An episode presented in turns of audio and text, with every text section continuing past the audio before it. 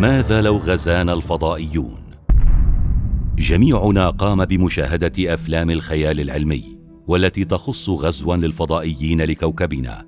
غالبا هذه الأفلام والمشاهد عادة ما توضح حجم الدمار الذي يسببه هذا الغزو وضعف القدرات والتكنولوجيا البشرية التي تقف عاجزة أمام هذا التطور الذي تملكه تلك الكائنات.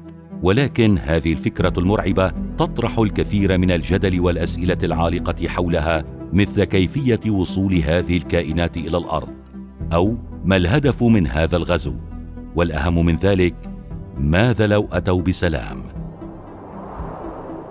أمام فكرة الغزو الفضائي هناك الكثير من التعقيدات التي يمكن أن يواجهها الجنس البشري وهذا في الحالة التي يأتون فيها بسلام. وعلى سبيل المثال حاجز اللغة. ربما تكون اللغات الفضائية تتبع ذات القواعد للغات البشرية فيقول اللغويين أن البشر مبرمجون على تعلم اللغة لأن ذلك جزء أساسي من الحمض النووي البشري. فمن غير المتوقع أن تمتلك كائنات أخرى هذا النموذج من الحمض النووي. فالخبرات الموجودة في اللغات البشرية لا يمكن أن تتواجد في كائنات أخرى. فلكل لغة طريقتها في التعبير وبالتالي لن يستطيع اللغويون افتراض وجود أفعال أو أسئلة أو جمل مترابطة. وعلى سبيل المثال إن كانت هذه المخلوقات ذكية فذلك سيفرض علينا التعلم منهم تلك اللغة. وإن تم التعاقد مع هذه الكائنات فهل ستظهر قوانين جديدة خاصة بهم مثل مكتب حقوق الكائنات الفضائية؟ وماذا سنتعلم منهم إن أتوا في سلام؟ الكثير من الناس يفترضون إن كانت فكرة السلام الفضائي حقيقية فيمكن للبشر الانتقال من كوكب الأرض إلى كوكب هؤلاء الفضائيين. ربما سيكون ذلك الكوكب في سلام وإذا ما تم هذا التعاون فيمكن للبشر اللجوء إلى تلك التكنولوجيا المتطورة لمعالجة مشاكلهم. وهنا هذه التكنولوجيا الفضائية ضرورة بسبب قدرتهم على الوصول إلى كوكبنا وليس العكس فبالتالي هم متطورون أكثر منا. جيل ستيوارت المتخصصه في قانون الفضاء الخارجي في جامعة لندن تقول لا نعتقد أن البشر سيتواصلون مع الكائنات الفضائية في حياتنا لكنها ترى أن هذا الأمر يستحق النقاش. وكما يقول البعض الآخر يمكن اعتبار هذا الكوكب كدولة أخرى لها ما لها وعليها ما عليها. وحتى إن كان هذا الكوكب يشبه كوكبنا مكون من قارات ودول فالجميع يفترض العمل بمبدأ المعاملة بالمثل. وهذا ينجلي في التنسيق في كافة شؤون الحياة اليومية والسياسية. ربما نشهد بداية شيء يشبه الأمم المتحدة المختصة بالفضاء. معاهدات سلام تضمن عدم الاعتداء بين الطرفين والتعاون الاقتصادي ولكل قسم من هذا شروحاته وتفرعاته الخاصة. وللعلم فإن هناك مكتبا في الأمم المتحدة يعنى بشؤون الفضاء الخارجي واسمه اونوسوا وكل هذا بافتراض خيالي بحت. يحكي عن ما إذا جاءوا في سلام وبغرض التعرف والتنسيق معا في هذا الكوكب. ومع هذا ربما لن نكون أولى الكواكب التي تحوي الحياة عليها والتي تعرفوا إليها. ماذا لو كان هوكينج على حق؟ ماذا لو لن يأتوا في سلام؟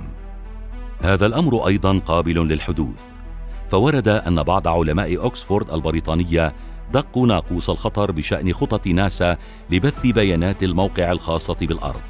وغيرها من المعلومات إلى الفضاء محذرين من أن هذا الجهد قد يكون له عواقب وخيمة غير مقصودة.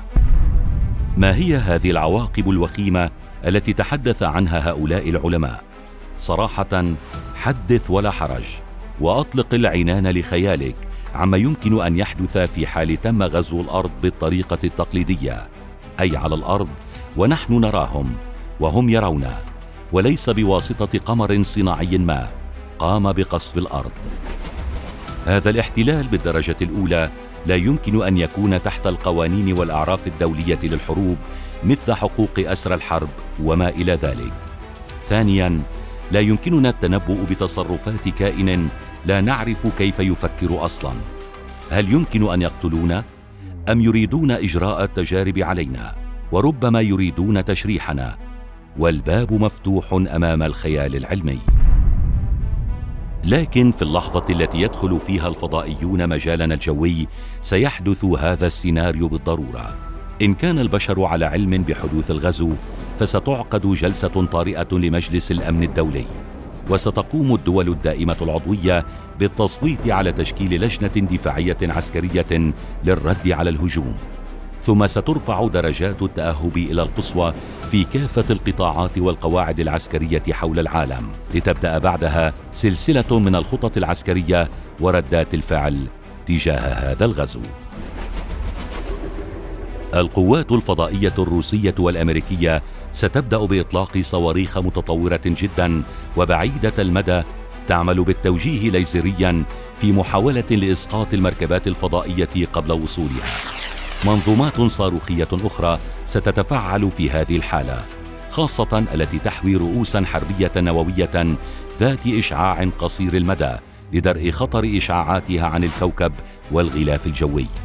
بمعنى أن البشر سيحاولون اجتناب المواجهة المباشرة بينهم وبين الفضائيين. فإن لم يلقوا نتيجة لهذا ستنتقل الحرب من السماء إلى الأرض. وهنا ستحاول صواريخ ارض جو وأرض أرض بكافة أنواعها إصابة هذه المركبات. ثم يتم استدعاء المدرعات مثل الدبابات وحاملات الجند إلى مناطق القتال المباشرة. وكل هذا على افتراض أن دفاعنا عن الكوكب ربما سيأتي اكله إلى أن يقوم الفضائيون بإنزال مقاتليهم على الأرض. فسنرى قتال شوارع دام في نيويورك مثلا أو في موسكو أو أبو ظبي في محاولة قد تكون الأخيرة في رد هذا الغزو. أما المدنيون فغالبا سيكونون في الملاجئ أو في دور العبادة من كافة الأديان على الأرض يبتهلون ويصلون لدرء خطر هذا الغزو. فإن انتصرنا فسننقذ الكوكب وإن لم ننتصر فسيتم احتلالنا. هذا السيناريو يعد خياليا قليلا. اذ لا مؤشرات جدية لمحاولة غزونا من أي جهة كانت. ولكن ماذا لو خسرنا المعركة؟ هل هناك كوكب ما في هذه المجرة يشبه أرضنا نذهب إليه؟ ربما في خطوة استباقية للإجلاء.